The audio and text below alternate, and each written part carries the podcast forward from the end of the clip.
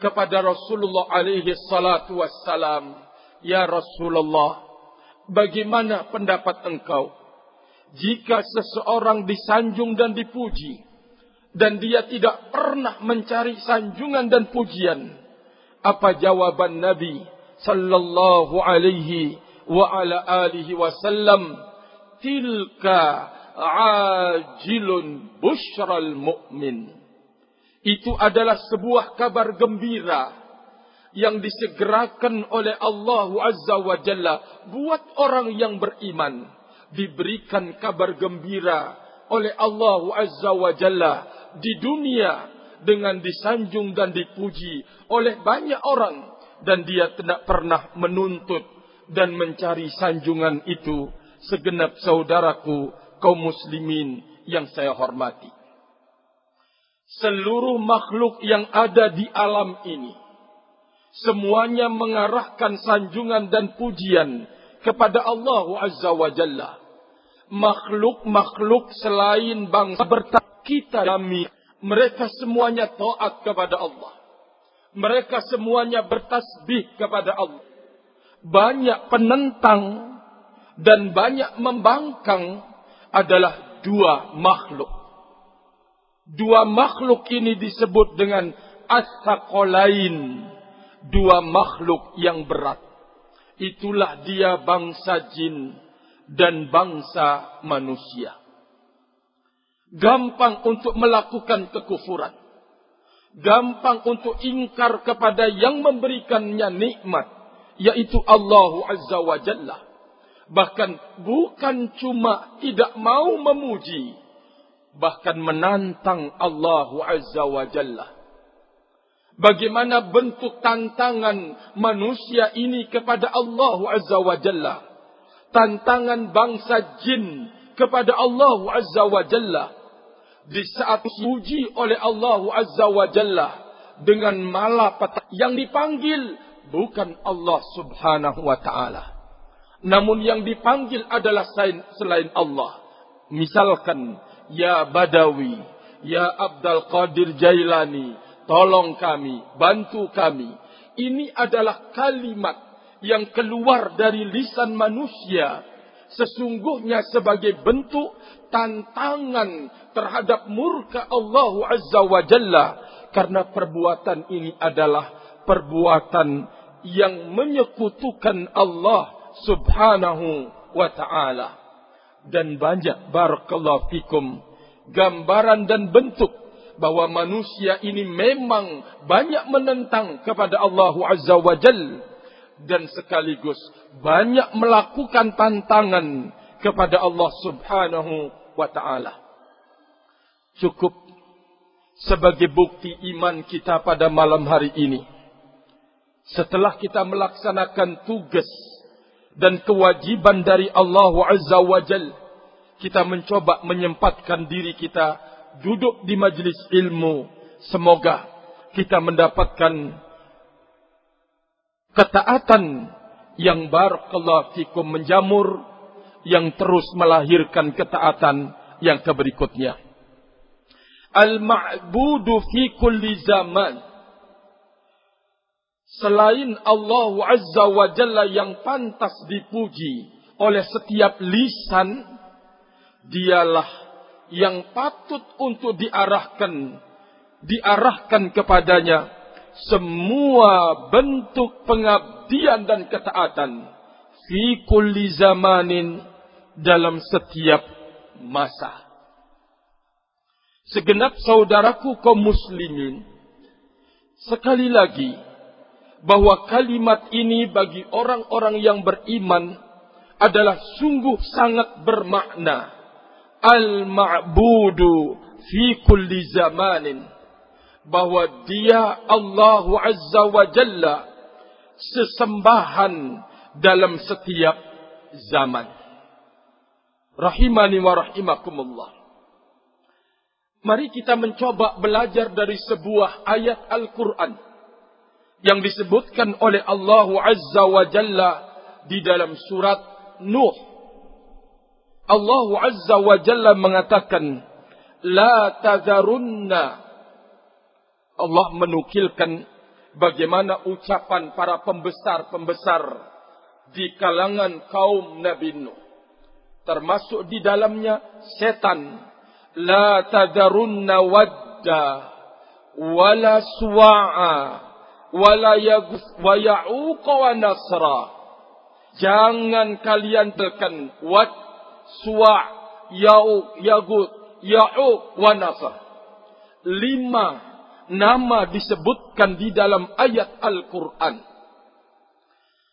Seorang penafsir dari kalangan sahab yang bernama Abdullah ibnu Abbas menafsirkan ayat ini.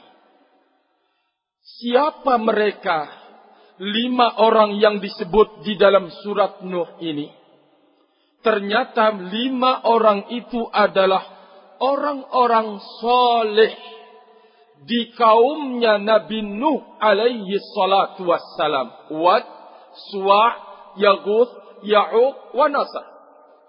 Lima orang-orang soleh di masa kaum Nabi Nuh alaihi salatu wassalam. Datanglah setan. Abdullah ibnu Abbas radhiyallahu taala anhu bercerita, "Fa'auha ilaihim."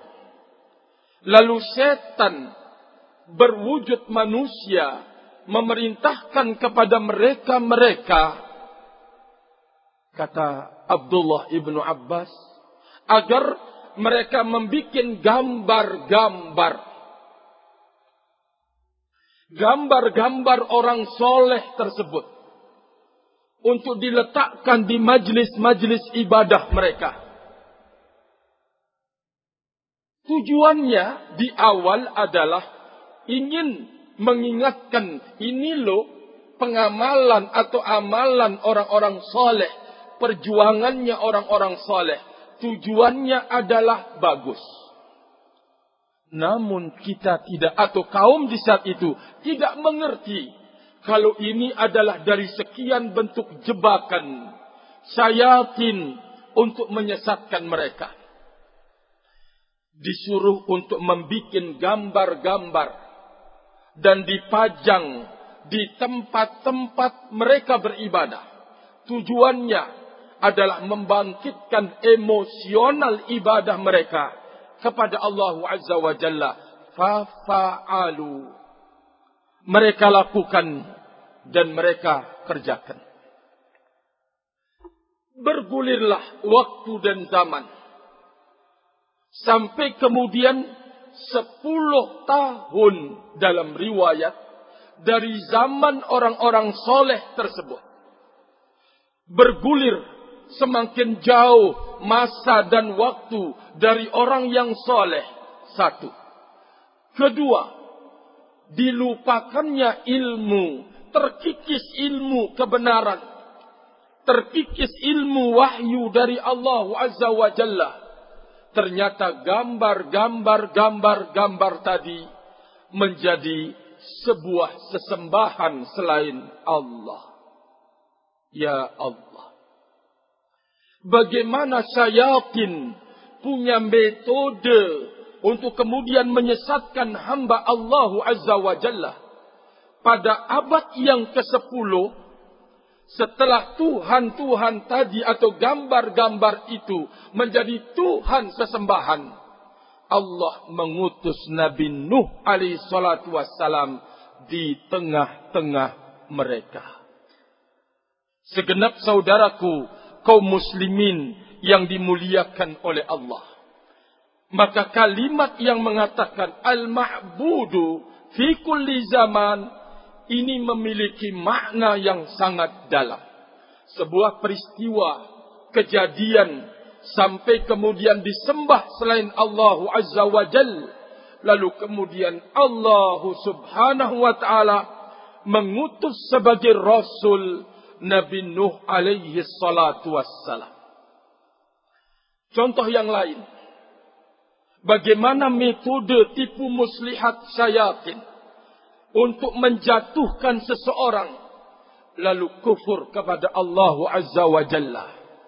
Al-Imam Ibn Al-Qayyim rahimahullahu taala telah menyebutkan rentetan peristiwa sampai kemudian seseorang meminta kepada kuburan mengadukan nasibnya di kuburan menggantungkan semuanya dengan kuburan. Beliau menyebutkan tahap yang pertama yang dilakukan oleh syayatin adalah ad-du'a'u indahu. Berdoa kepada Allah Azza wa Jalla. Namun tempatnya di sisi kuburan. Ini tahap yang pertama. Kita tahu bahwa kuburan itu bukan tempat beribadah. Memindahkan tempat ibadah dari rumahnya Allah yang dipersiapkan untuk berdoa padanya, meminta lalu dipindahkan ke sisi kuburan, ini adalah sebuah kesalahan yang sangat fatal, tapi masih ringan kesalahannya. Namun ini adalah sebuah metode bagaimana iblis menjatuhkan seseorang agar pada zaman dan waktu tertentu seseorang itu kafir kepada Allah. Kedua, pertama, dia berdoa di sisi kuburan. Masih berdoa kepada Allah Azza wa Jalla. Tentu ini adalah sebuah kekeliruan. Kenapa? Karena memindahkan tempat yang sudah disiapkan untuk beribadah kepadanya ke tempat yang tidak boleh dilakukan peribadatan padanya barakallahu fikum. Yang kedua tentunya orang yang memindahkan tempat dari rumahnya Allah di masjid menuju di kuburan berarti ada sesuatu. Nilai mitos nilai keberkahan dan yakinnya di kuburan tersebut. Barakallahu fikum. Sehingga dipindahkan dari rumah Allah yaitu masjid menuju barakallahu fikum kuburan. Masih berdoa kepada Allah. Tahapan yang kedua. Doa bihi. Masih berdoa kepada Allah. Ini tahapan jebakan yang kedua. Agar kita orang-orang beriman harus bangkit dan bangun menyelamatkan diri kita. Generasi kita yang akan datang barakallahu fikum. Karena ini adalah satu-satu upaya yang paling besar untuk mengembalikan keberkahan di negeri kita yang kaya ini rahimani wa rahimakumullah. Yaitu dengan membebaskan kezaliman yang dilakukan kepada sang pencipta yaitu Allah Azza wa Jalla.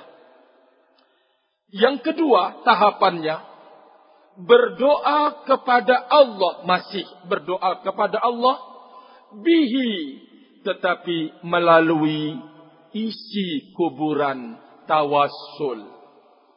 Naik peringkat dosanya. Tapi masih tertuju doanya kepada Allah subhanahu wa ta'ala. Barakallahu fikum. Tetapi sudah masuk kerana pintu dia akan menyekutukan Allah Azza wa Jalla melalui orang yang ada di kuburan. Apa kira-kira syubhat yang dilontarkan oleh iblis dan syaitan? Kalau anda mau ketemu sang raja di dunia, taruhlah presiden kita, anda kan harus melalui ajudan-ajudannya.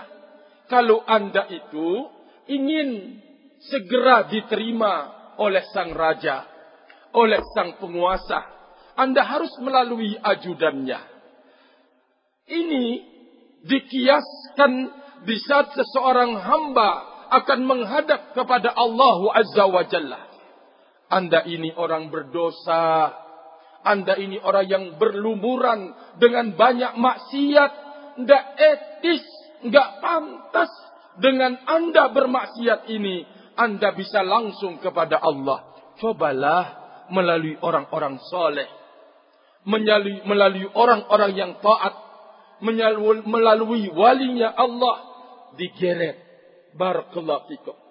Padahal mengkiaskan Allah membandingkan Allah dengan raja-raja di dunia ini adalah sebuah kesalahan yang sangat fatal.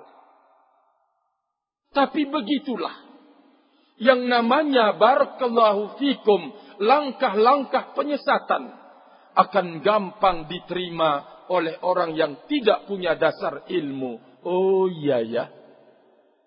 Oh begitu. Jadi muncul tanggapan yang positif dari orang yang tidak memiliki ilmu. Tapi kalau orang yang mengerti ilmu, dia tahu bahwa sebesar apapun dosa yang kau lakukan dan kerjakan. Kalau engkau mengetuk pintu taubat, Allah pasti akan mengabulkannya. Walaupun engkau telah membawa dosa yang paling besar. Melakukan kesyirikan, melakukan kekufuran, pembunuhan, maaf-maaf perjudian, perampokan, semua kejahatan engkau telah lakukan.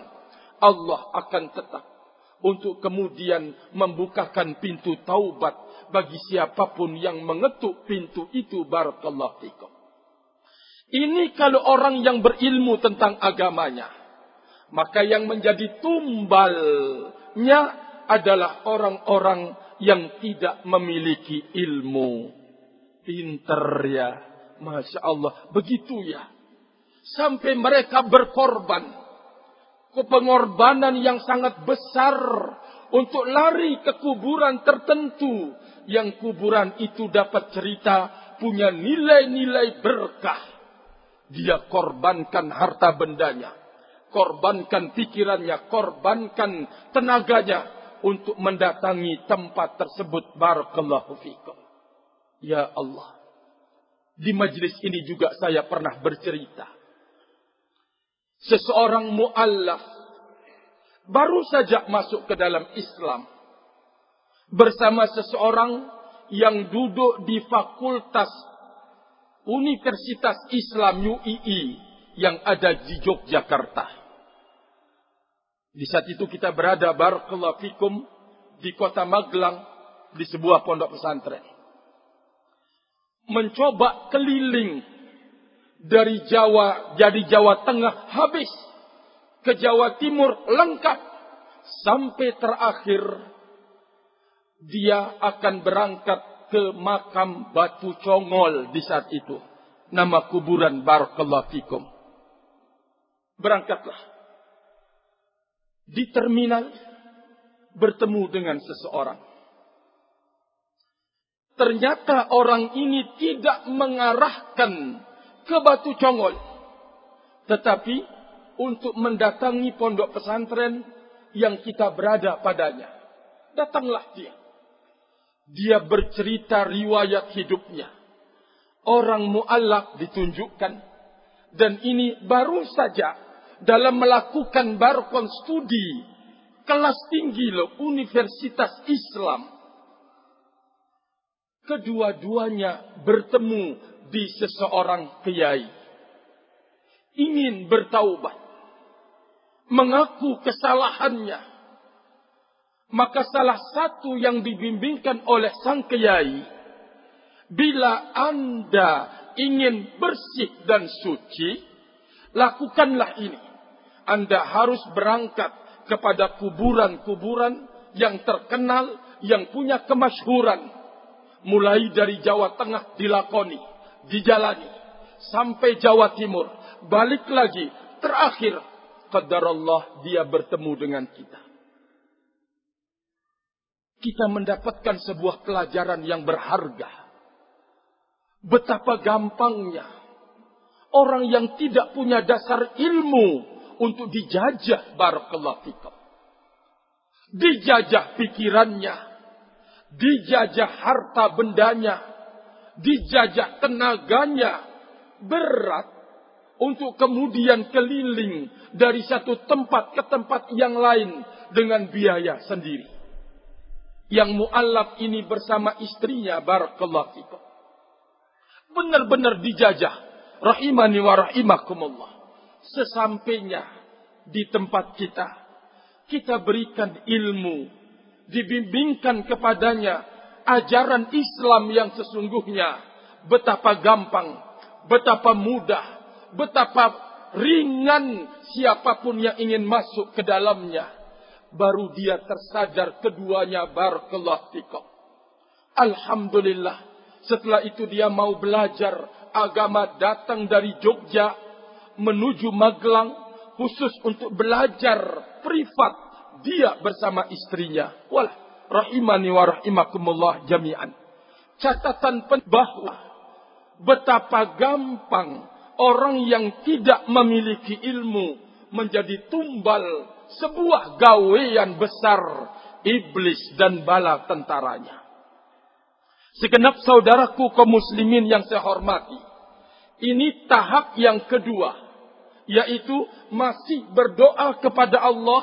Tetapi melalui jalur penghuni kuburan. Yang disebut dengan bertawassul. Setelah itu naik kepada peringkat yang paling besar yaitu melakukan berdoa kepada penghuni kuburan tidak lagi kepada Allah Azza wa Jalla namun meminta mengajukan semua problematikanya kepada penghuni kuburan sudah tidak terikat lagi dengan Allah Azza wa Jalla. Naik ke peringkat yang keberikutnya yaitu al jihadu fi sabilihi.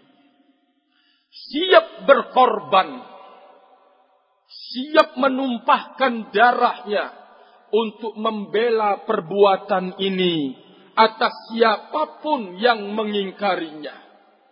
Sehingga wajar mulai dari zaman diutusnya para nabi dan rasul mengajak kembali kepada tauhid mentauhidkan Allah azza wa jalla memurnikan peribadatan semata-mata milik Allah azza wa jalla pertentangan yang sangat hebat ternyata inilah dia tahapan-tahapan iblis dan bala tentaranya untuk menyesatkan umatnya Nabi kita Muhammad sallallahu alaihi wa ala alihi wasallam.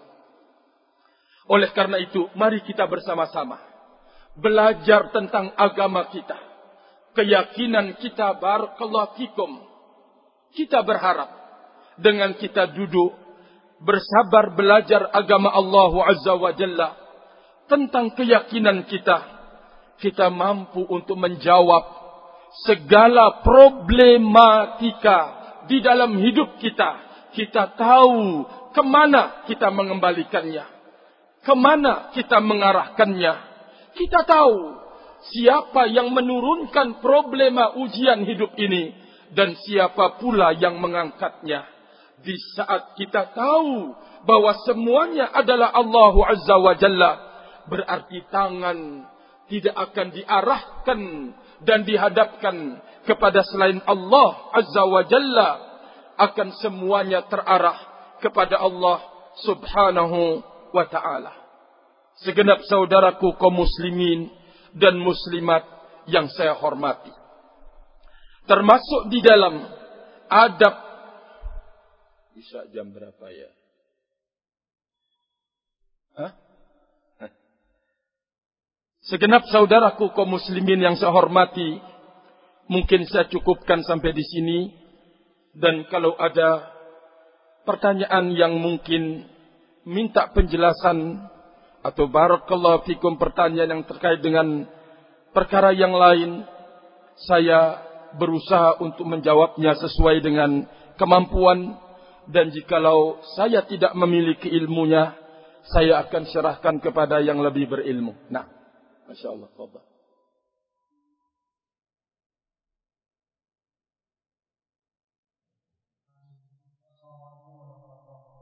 وعليكم السلام ورحمة الله وبركاته. Ya.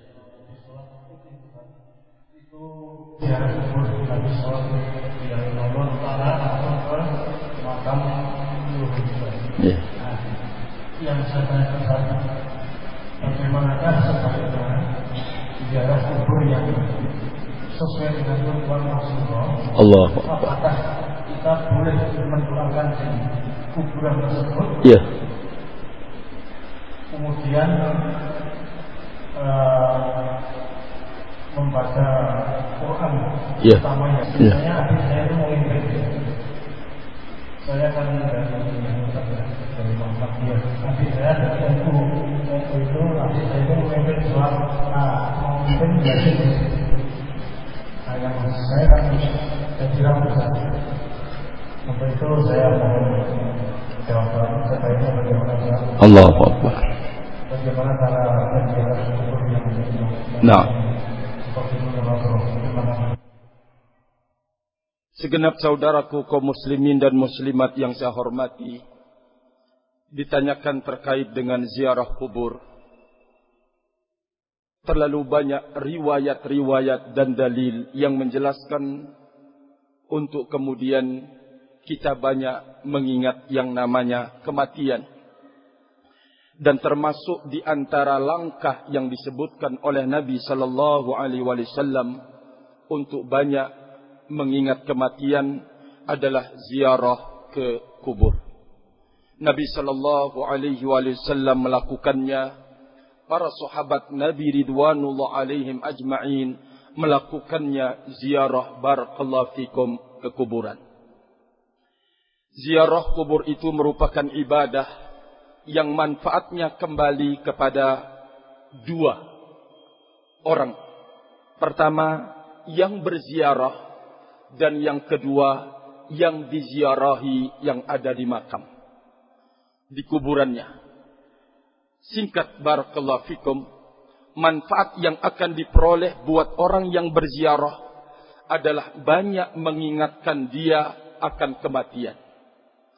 Kedua, manfaat yang akan diperoleh buat orang yang meninggal dunia yaitu mendoakan orang yang datang berziarah ini mendoakan agar yang di kuburan itu selamat dari azab dan murka Allah Subhanahu wa taala. Nabi sallallahu alaihi wasallam sebaik-baik teladan kita di dalam masalah ini beliau di pertengahan malam datang ke kuburan lalu kemudian barakallahu fikum menziarahi kuburan tersebut. Kemudian beliau balik.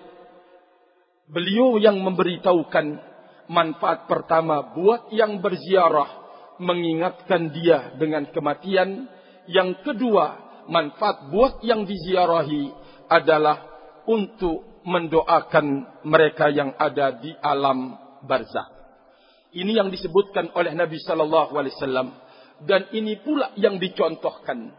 Nabi sallallahu alaihi wasallam tentu bacaan Al-Qur'annya lebih utama, lebih mulia. Beliau tidak pernah melakukan hal itu ingin memberikan berkah kepada yang ada di alam kubur.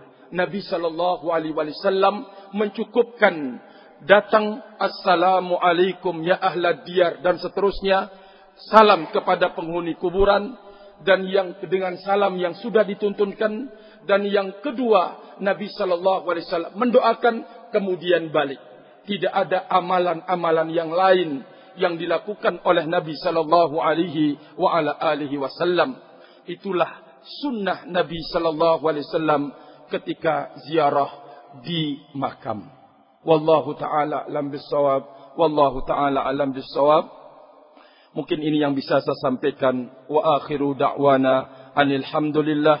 Subhanakallahumma wa bihamdika. Ashadu an la ilaha illa anta. Astaghfiruka wa tubu ilaik. Wassalamualaikum warahmatullahi wabarakatuh.